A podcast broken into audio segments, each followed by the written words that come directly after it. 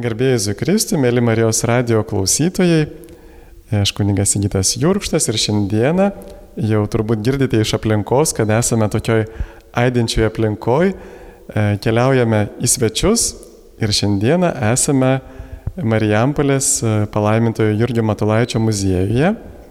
Čia kažkas taip pypsi, bet tikiuosi, kad jums netrukdys klausytis mūsų laidos. Ir šiandien susitinkame su Arūnu Kapsevičiumi, šio muziejaus, kaip šis pavadinti, muziejininku, taip. E, ir šiandien mes e, pabandysime, nors ir negalim pertikti šito, e, pertikti vaizdo, bet pabandysim mums pertikti, papasakoti, kas čia yra įdomaus šitą muziejų, kad jūs galėtumėte čia irgi atvykti. Taigi, Arūnai, kodėl Marijampolė vadinasi Marijampolė, tarsi Marijos miestas, tai būtų išvertus? Taip ir taip ir ne. Iš tikrųjų mes labiau kildinam, aišku, viskas susijęs su, su Dievo motina Mergelė Marija, bet a, mūsų miesto pavadinimas tai yra Marijampolis, Marijampolė, tai yra Marijonų miestas. Polis tai yra graikų kalba. Tuo laiku, kai buvo įkurta Marijampolė, buvo madinga miestus, jeigu naujai pavadindavo, mes jaunas miestas, egzistuojam tik nuo 1750 metų, pavadinti vat, su, su ta latiniška galūnė. Tai Marijampolė, tai yra Marijonų miestas, bet aišku, viskas vis tiek susiveda į Mariją. O kas įkūrė Marijonus Marijampolėje? Marijampolė tai įkūrėja, mūsų miesto įkūrėja tai yra grafienė Pranciška Butlerinė.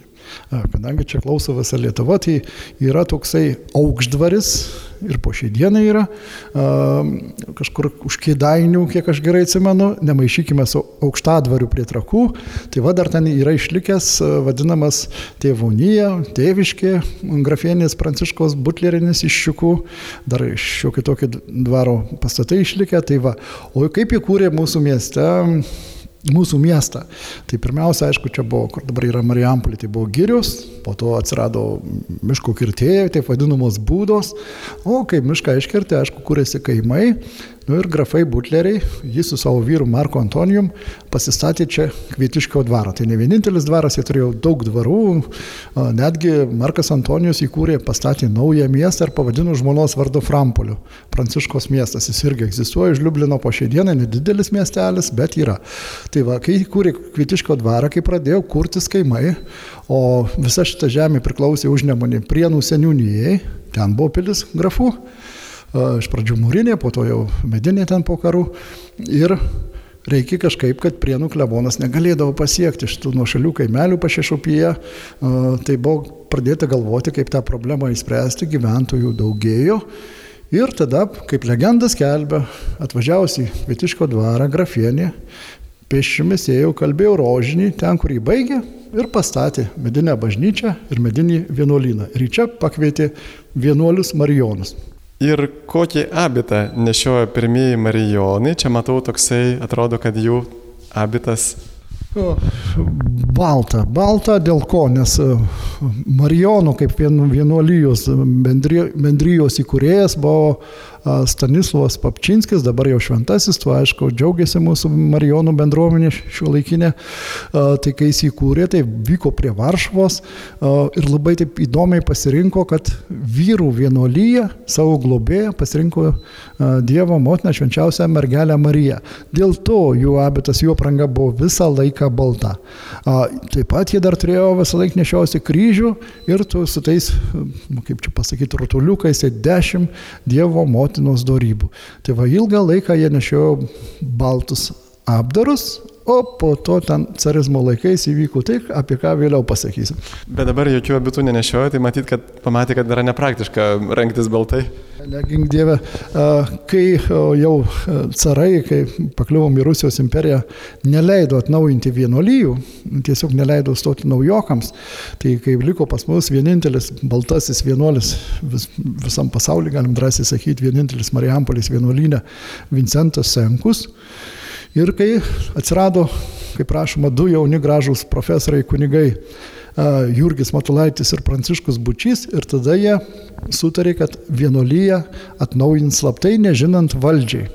O kai jau atnaujino, su baltais rūbais negalėjo pasirodyti dėl paprastos priežasties.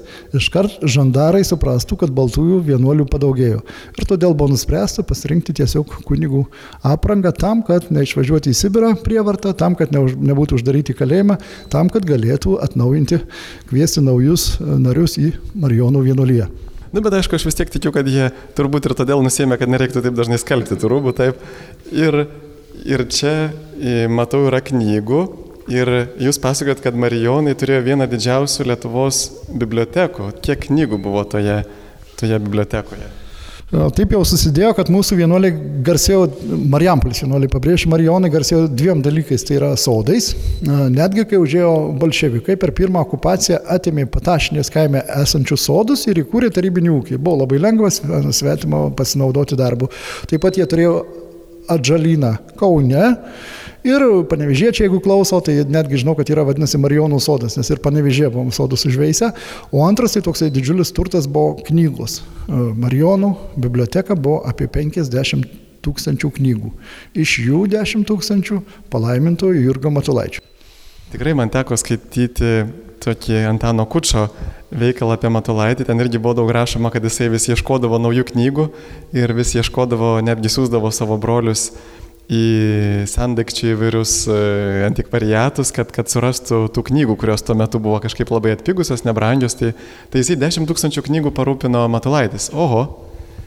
E, ir va, čia vėl matom dabar Arnotą, mes jau kalbėjome apie e, abitus, o iš, iš kur tos Arnotus, pavyzdžiui, iš ko jis siūdavo Čia yra, e, kas šįmet atvyksite pas mus į Šventą Arkangelo Mykolo mažąją baziliką, į atlaidus ar vėliau, kada užsuksite ir ateisite į palaiminto Jurgio Matulaičio muziejų, tai mes pakeitėm, dabar pakabinom raudonai arnotą, geltonai palikom pailsėti, o tais laikais, kai gyveno grafienė Pranciška Butlerinė, tai labai turtingos damos, rūpindamosis amžinuoju gyvenimu, statydavo vienuolynus bažnyčias, o mažiau turtingos dovanodavo bažnyčiam savo sukneles. Tai buvo irgi milžiniškas turtas. Yra toks pavyzdys, kad lengviau įsivaizduoti, kiek tai kainuoja, tai tą pačią suknelę nešiaudavo močiutė, mama ir anūkė, nes tai yra suvinėta auksu, sidabru ir visa labai brangu. Tai va, vienas iš būdų padovanoti bažnyčiai ar notą, tai buvo tiesiog padovanoja suknelę, ją persiva ir gaunasi bažnytinis liturginis drabužis. Taip būdavo ir dažnas atvejis, kad užsakinėdavo naujus iš naujo audeklo, bet tai buvo, būkim sažiningi, ryškiai brangiau. A, tai reiškia, Arnotai siūdavo iš moterų suknelių. Nu tai va, gerbiamas moteris, jeigu turit nereikalingų suknelių, va galit. Ne, šiais laikais nebrai. A, šiais laikais jau ne, nebelabai. Taip. Nebent auksas siuvinėtas. A, na taip, tai va, jeigu kas turi auksas siuvinėtą suknelę, gal ir tiktų Arnotui kunigui. Ir dabar, kada buvo įkurtas šitas muziejus? Prieš 12 metų dabar jau praktiškai bus, įkurtas buvo kaip viešoji įstaiga kartu su Mariampolės valdybės administracija. Laikui bėgant supratom, kad mums reikia eiti atskirais keliais, tai dabar tiesiog muziejus priklauso Marijonų vienuolyjei. Mm. O, o kokios būklės buvo Marijonų vienuolyje, kai ją atrado Jurgis Matulaitis? o, nu, kaip čia pasakyti, Nu, gal šiek tiek, kaip rašo vyskupas Justinas Staugaitis atsiminimuose, tai šiek tiek buvo apleista, bet supraskime, Vincentas Senkus buvo vienas jau praktiškai vienuolis ir ta visa pagalbininkai irgi seno žmogaus nelabai klausė, tai buvo šiek tiek iš tikrųjų apleista. Nu, teko įdėti daug pastangų, jo lab, kad prie Jurgo Matulaičio, jau jam vadovaujant Marijonams, buvo pastatytas spaustuvė, tas vadinamas Domus Biatis namas, iškilo, reiškia, dirbtuvės stalių, atsirado Marijonų gimnazija, žodžiu, atsirado daug naujų dalykų, o netgi galėčiau pasakyti tokį įdomų faktą, kad Marijampolė vieni iš pirmųjų elektrą apsirūpino Marijonai, turėjo savo dizelinę tokią stotį ir jau 1916 metais, kaip matom iš nuotraukų, jau buvo bažnyčio elektra, ne visur, bet buvo. Na, čia dar matau daug įdomių dalykų. Jūs, jeigu pavyks jums atvykti į Matlaičio atlaidus, galėsite užsukti į muziejų ir čia pasižvalgyti ir, ir dar pakalbinti gerbiamą Arūną. Mes gal dabar važiuokim į antrą aukštą. Čia tikiuosi pas jūs liftai nestringa. Tai... Visko būna. Nu, iš tikrųjų tai į trečią aukštą. Nu, jeigu, o būna daug piligrimų Lenkų, tai iš tikrųjų reikia sakyti, kad jie antrą, nes jie pirmą aukštą kaip ir anglai praleidžia. A, taip, taip, taip. Mes viską skaičiuojam jau nuo pat pradžios. Ir kiek e, muziejuje iš viso yra tie trys aukštai, taip ekspozicija šitą muziejuje? Yra palėpė ir tenai. Nu, yra galerija ir, ir pats muziejus ant trečiame aukšte. Aha, taip, supratau. Tai pažiūrėsime, koks čia vaizdas mums atsivers. Va, iš karto matau knygų parduotuvę. Taip. Ir čia matau dar visokių įdomių dalykų ir apie Jurgį Matulaitį. Čia yra e, visokių netgi naujų knygų išleista taip apie jį. Tai naujausia galbūt yra mūsų uh, vardienių seserų uh, sesers Viktorijos jau pernai išleista štrichai portretui Jurgio Matulaičio, bet yra ir apie vargdienių seseris, yra apie Vilkaviškio viskupėją, apie Praną Račiūną, nuostabi knygelė yra, yra apie kunigą Vatslavą Aliulį. Ir aišku, pagrindas yra Jurgis Matulaitis. Bet nežiūrint tai, kad mes gyvenam, dirbam su Valkijui, atvažiuokit, kai ką mes duodam nemokamai. A, taip, va beje, apie šitą sesers Viktorijos knygą tikrai manau, kad ji bus labai įdomi. Teko bendrauti su seserim Viktorija, rašyti laidų, tai tikrai labai, e, labai man patiko, kaip jinai gyvai ir taip tiksliai, taikliai atskleidžia Matulaičio dvasingumą, tai labai rekomenduoju. Ir čia dar matau tokią knygą e, Jurgis Matulaitis ir Pranciškus Petras Bučys, taip, abu du viskupai, laiškų dialogas, tokia stura knyga už 10 eurų, kas čia per kadangi jie buvo bendražygiai, e, galima taip sakyti, kad jie abu yra atnaujintos e, Marijonų vienuolijos pradininkai, tik tiek, kad kai slaptai buvo Varšuvoje atnaujinta Šventų kryžiaus e, bažnyčioje, tai Jurgis Matulaitis buvo iškart išvestas į vienuolius, o Pranciškus Bučys buvo naujokų paskirtas, nors jų amžius buvo 38 ir 39 metai, tokie vyrai jauni gražus. Ir visą gyvenimą, kiek jie kartu buvo, tai jie stengiasi viens kitą palaikyti.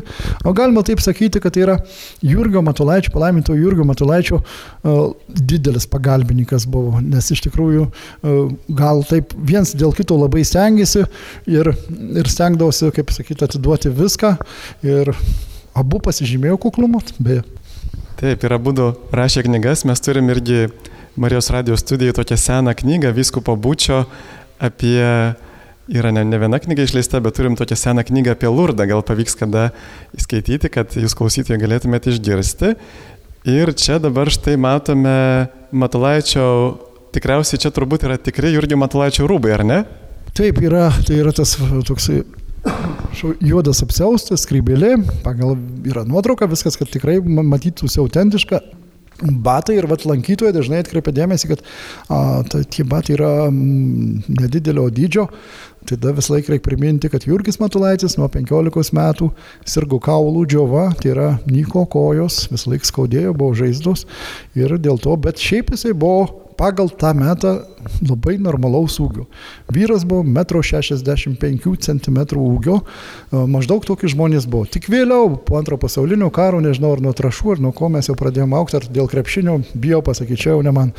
Taip, tikrai, vadinasi, na, mes panašaus ūgio, aš gal už 10 cm aukštesnis tai buvau, esu.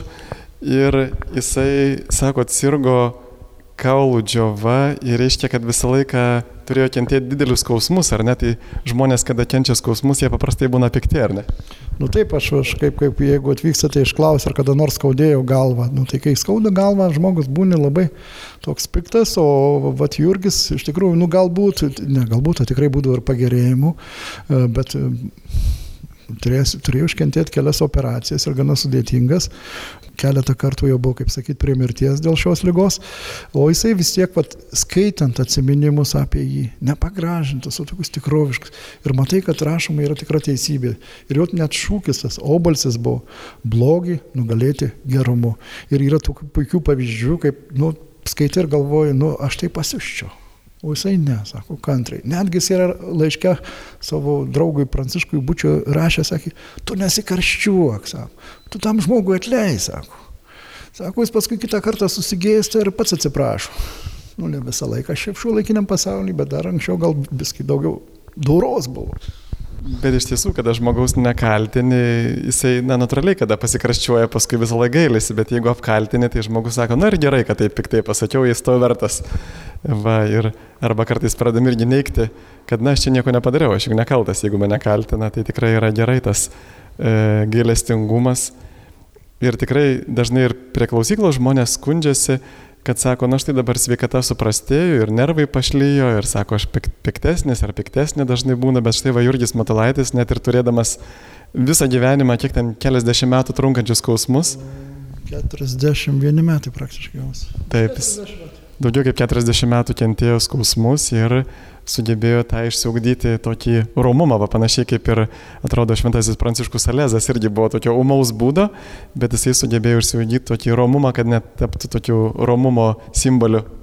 Tai va, kalbant e, ne tik apie e, Jurgio Matulaičio, palaiminto Jurgio Matulaičio, e, tokius, tą tikėjimo stiprumą, tą maldą, visą kitą, bet jis va turėjo tokį receptuką suvalkietišką tiems, kur serga. Mūsų vyresnio amžiaus žmonės visus liečias, mes neramus. Tai vad ką jisai rašė.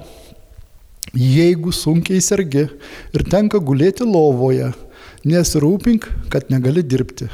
Jau turi ką dirbti. Būtent kantriai ir ramiai kesti lygos skausmus bei nepatogumus. Ačiū, jūs čia turite ir daugiau turbūt matlaičio žodžių. Gal dar galėtumėt ką nors įdomus jo. Gerai, vėliau pažiūrėsim. Ir matom, dabar čia yra nuotraukos čia atrodo yra Jurgis Matalaitis, taip ir, ir, ir Pranciškus Bučys, bet kodėl jisai čia be barzdos, o ten ant tos knygos tokia didžiulė barzda pas jį? Nu, jie, kai tapo Marijonais vienuoliais, tai buvo abu davę tokius įžadus, kad rūpinsis tik tai Marijonų vienuolyje, aišku, tikinčiaisiais ir tarnaus viešpačiui, bet niekad neįs į jokius paaukštinimus. O ir va taip susidėjo, kad dievulis kitaip pasirinko, tai kaip žinia, Jurgis Matalaitis tapo Vilniaus vyskupu. O Pranciškus Bučys turėjo tapti unitų vyskupu. Tai va taip jau tas jų pažadas buvo viešpaties pakeistas. O dar priminkit, kas tie unitai?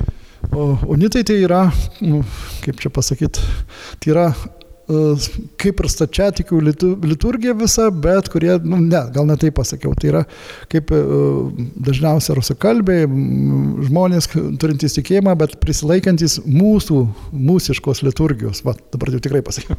Taip, tiesiog tai tas buvo bandymas suvienyti taip katalikus ir ortodoksus. Ir beje, čia kaip ir su Ukraina irgi susiję e, unito visa istorija. Ir būtent tenais buvo tas bandymas e, vienyti rytų ir vakarų bažnyčias ir, ir iš tikrųjų ir tų formų vienybės yra skirtingų, bet, bet labai graži buvo ta, tas troškimas. Po šiai dienai jie egzistuoja, jie, kaip sakyti, mūsų popiežius pripažįsta, jie, jie pripažįsta popiežių, tiesiog yra išlikę. Aišku, viską labai plaužė sovietmetis, bet po truputėlį ir jie atsigauna. Taip. O sakykit, prašau, kiek kalbų mokėjo Jurgis Matulaitis? Ar buvo, na, jis buvo ir profesorius, tai buvo išsilavinęs žmogus? Devynias kalbas. Aišku, savo gimtają mes turime išlikę, pas mus yra jo dienoraštis rašytas lotynų kalba ir va, čia yra demonstruojama ekspozicijoje lietuvišką jų tekstą. Vėlgi žmonės nustemba, kad labai graž, graž, gražus raštas, bet kaip aš sakau, tais laikais, kai mes mokėmės mokyklų, tai buvo mokykla buvo ne pramoga, o darbas. Vat ir mus mokino dailyraščio, tai taip ir jisai irgi vat, labai gražiai rašo. Be, be abejo, ir latiniškai gražiai rašo. Ehm, ir kodėl taip susidėjo, nes tais laikais prisėjau namie, kalbėdavau lietuviškai, ehm, mūsų gimnazijoje, berniukų vyrų, dabartinėje Rygiškių gimnazijoje teko mokytis rusų kalbą, aplinkui buvo daug lenkiškos kalbos, po to aišku mokėsi Varšuvoje, kunigų seminarijų lenkišką kalbą ir va, taip prisėjau daug, daug kalbų išmokti. Įdomu tai, kad skaitant tą laišką iš mano patirties tyrinėjimų istorijų, jisai, vat laiškė skaitant, jauti, kad jisai galvoja lietuviškai. Nes kai tu pereini į kitą kalbą ilgesniam laikui, būna taip, kad net sakinio struktūra pasikeičia. O jis, aš esu tikras, ir labai turtingas žodynas. Tikrai turtingas žodynas. Ir matau šitame muziejuje daug stiklo. Ar čia buvo toks specialiai toksai sumanimas? O aš tik tai metai čia gerbėmiai dirbu, bet e, didžiuojasi tai žmonėm, kurie prieš 12 metų padarė šį muziejų, šią ekspoziciją. Kiek žinau, tai autoriai, atleiskit pavardės, nebe, nebeatsimenu. Tai parinko stiklą, viskas blizga, dėl to, kad stiklas yra ir skaidrų dangus, ir trapu, kaip mūsų gyvenimas. Taip, ir čia matau ant stiklo tokia graži lenta, e, kas neima savo kryžiaus ir neseka paskui mane, nevertas manęs iš Mato Evangelijos. Ir Jonas Paulius II, jo žodžiai čia yra įspausti.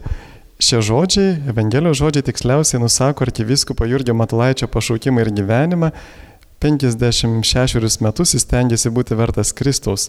Ėmė tad savo kryžių ir sekė paskui Kristų, įvairiais būdais buvo pasirengęs paukoti gyvybę dėl Kristaus, kaip tik todėl atrado tokią gyvenimo pilnatvę, kokio žmogus tą gali atrasti Kristuje, Jonas Paulius II. Čia buvo pasakyta beatifikacijos metu šitie gražų žodžiai. O dar labai e, man asmeniškai patinka jo pasakymas, kai priimu piligrimus muziejui, e, tai kai jis tapo Vilniaus vyskupu, buvo įvesdintas į katedrą, jis pasakė labai nuostabius žodžius. Ir gyvenimo jis svarbiausiais juos įrodė.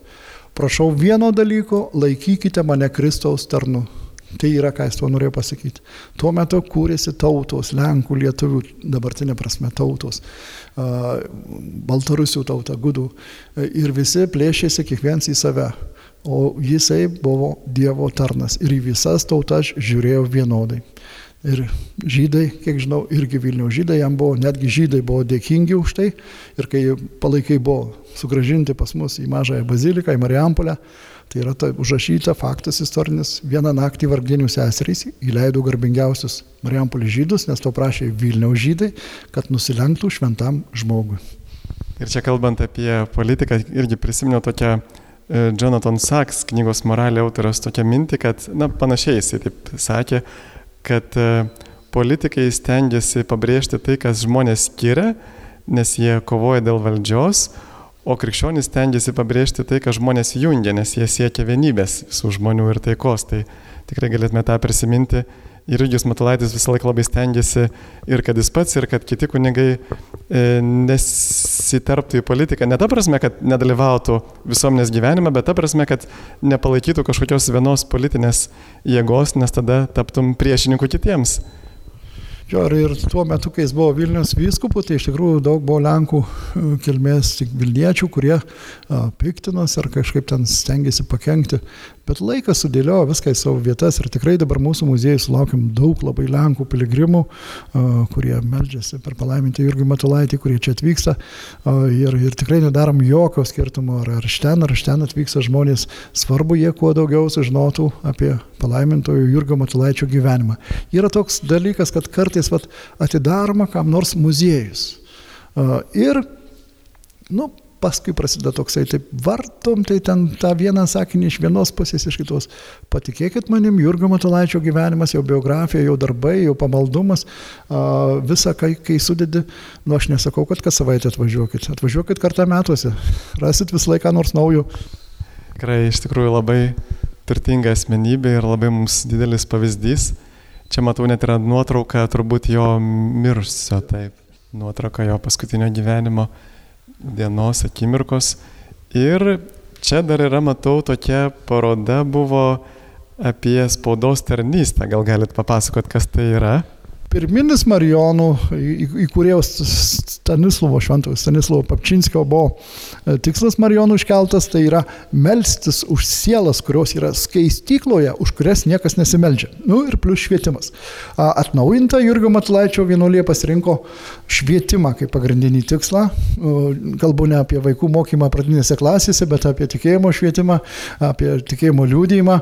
Ir kai jis taip pat Jurgis Matulaitis yra vargdinių seserų vienuolijos įkūrėjas, tai buvo sesėms iškeltas užduotis atsidaryti spaustuvę ir tarpu kurioje veikia spaustuvė Marijampolė Šešupė, o taip pat patys Marijonai Marijampolės irgi atsidarė irgi Marijonų spaustuvė, gausybė buvo knygų išleista, netgi nebūtinai religinė literatūra.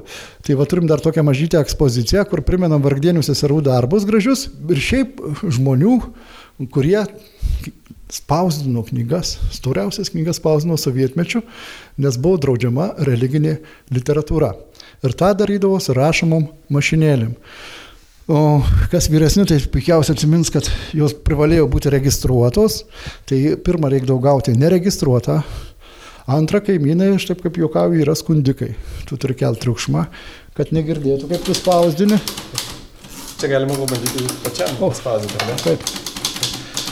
Ir va tokiu būdu užsidėdavo, ką žinote, kas yra kalki, keturis egzempliorius vienu metu atmuždavo storiausios knygos. Ir aš kaip vis laik sakau, tai nėra visiška tiesa, nes 1972 metais e, tokiam su vakarais atsiradus atšilimui, mūsų sovietinė valdžia, dar Antanos Niečkos, jeigu neklystu valdžia, išleido Naująjį testamentą, maldyną gražiai, įrištas, kaip priklauso, bet visose knygose, visose atvirukuose, visur būdavo nurodomas tiražas. Čia, Naujajam testamente, nei maldinė jo nėra. Nes kaip tu pasakysi, kad ateistiniai valstybei, kur nėra tikinčiųjų, kur bažnyčios paverstos spartų mokyklom, sandėliais ir kuo, 10 tūkstančių atspausdinai ir dar trūksta. Nu, tai kažkas negerai, tai va toks buvo nutylėjimas. O ačiū, ačiū Dievui, dabar viskas sugrįžo, yra gaunam literatūrą, galim spausdinti. Ką norim, kaip norim, tik nereikia persistengti ir daryti tą su saiku, kaip visą laiką sakoma. Taip, žodžiu, kad Jurgis Matulaitis jau ėmė mažiau rūpintis skaistyklą, bet įkūrė skaityklą. Mes vis juokaudavom, kai eidam į skaityklą, sakydam, einam į skaityklą. Taip. Tai iš tikrųjų jam buvo tikra skaistykla ir, ir tas gyvenimas žemėje, ir, ir tos visos studijos. Ir sakot, kad tarpukariu Marijonai yra daug knygų išleidę, ar ne? Labai daug. Ir, ir šešupės spausti Vargdienių seserų, tarp kitko, Vargdienis leido žurnalą tarpukarėje Moteris. Po to, kai nacionalizavo bolševikai jų spaustuvę, pradėjo leisti, spėkite ką, tarybinę moterį. Ir jo, iš tikrųjų tai nebuvo tik tai vien um, religinė literatūra, bet parinkdavo tokią, nu, kaip pasakyti, ir, ir pamokančią, ir, ir romanai buvo, ir, ir, ir, kaip čia pasakyti, nuotikių kny- knygelės. O tiesiog, uh, jeigu neklystu, 1926 metais mūsų spaustuvės, dar buvo tokia pasaulietinė dirba, viena labai garsi spaustuvė visai Lietuvoje, tai mes pradėjom lenkti šiaulius pagal spaudą. Atsiprašau šiauliečių, bet tai yra faktas, yra užrašytas. Dažnai lankytojai muziejaus stebėsi, kodėl tiek daug daiktų yra išlikę. Tai jau kaip kažkur minėjau apie tuos, kalbant apie žydus, kad laikė šventų žmogum. Ir dabar, kai atvyksta piligrimai iš Lenkijos, dažnai girdėm ne blogoslavionai, o šventai, šventai, šventai, šventas žmogus. Ir dėl to yra labai daug išsaugota jau daiktų. Ir, ir, tas, e, ir, ir stalo įrankiai, ir brevijorius, ir kiti asmeniniai daiktai. Ir kai aš jau baigiau rodyti ekspozicijoje, Tai vis tiek, kaip nežiūrėsi, buvo šventas žmogus, bet visą laiką žmonės atsigautų, suprastų, kad tai buvo žmogus, aš parodyti va tą gražią piniginę. Vis tiek buvo žmogus, reikėjo piniginės pinigams. Tai. Nu ir visą laiką dar turiu tokį, Marijos radio ne man jums mokyti, aš esu tik tai vargė vargė, bet e, turiu tą pačią nuodėmę, labai keista, kad net ir Jurgis Matlaitis turėjo kažkada tai. Žinot, kai yra daug darbų, nepaigi pasimelsti jau, nusprendė, ai, gal kitą dieną dvigubai pavarysiu. Tai va, tai Jurgis irgi matomai kažkada turėjo tokią bėdą ir rašė, e, žiūrėsiu, kad neapleidus darbo dėl maldos, nei maldos dėl darbo. O kažkas irgi, visi žmonės. O ir tokį receptuką aš rašė mums visiems labai paprasta. Reikia pratintis prie tokios nuolatinės maldos dvasioje, ar tai kur einant, ar tai kokį darbą dirbant. Visą laiką viską galima suderinti. Nieko tik nereikia persudyti. Taip, ačiū jo, iš tikrųjų, kaip sakydavo ir Šventojo Faustina, ar ne, kad kai mes e, skiriam laiko maldai, tik maldai, tai tada paskui galim išlikti su Dievu ir darbose. Bet kada, va, tai praleidė tą laiką maldai, tai tada ir darbos- darbose neina susikaupti, tai va tikrai Jurgis Matulaitis buvo tas maldos žmogus, bet va labai gražu, kad jis taip stengiasi surasti tą pusiausvyrą, kad e, ne tik tai neapleisti maldos dėl darbo, bet kartu ir darbo neapleisti dėl maldos. Tai ką, tai to linkime ir savo, ir jums. Labai ačiū Jums už visą šitą pasakojimą ir e, ką linkiu, kad tikrai ateitų pas Jūs daug piligrimų, kurie ir, ir į atlaidus atvyksta, kad kartu užsuktų ir muziejų. Ar muziejus e, dirba, e, kaip čia pasakyti, visų atlaidų metu bus, ar tik tai darbo laiku bus? Nu kaip, kai gerb, gerbiamas klebonas Gedrius e, Bakūnas priėmė man čia dirbti, tai yra darbo valandos. Nuo antradienio iki šeštadienio imtinai, nuo 9 iki 16 val. visą laiką aš jūsų laukiu. Jeigu negalima tuo metu, skambinkite, yra kontaktai, priimsim ir sekmadienį, ir kada jums patogu, nes tai yra svarbiausia čia. Ne aš, ne kas kitas, o svarbiausia Jurgis Matulaitis. O per atlaidus nuo 9 iki 16 val. ir jau šį sekmadienį ir kitom dienom visas e, atlaidų dienas tikrai laukiu užsukant, tik ne per pamaldas. Tai labai jums ačiū, čia buvo Matulaičio, palaiminti irgi Matulaičio muziejaus muziejininkas, vadovas, tai Parūnas Kapsevičius ir prie mikrofono buvo aš kunigas Sigitas Jurkštas. Tai ką, mums jau laikas važiuoti namo ir jums linkiu irgi toliau likite su Marijos radiju sudė.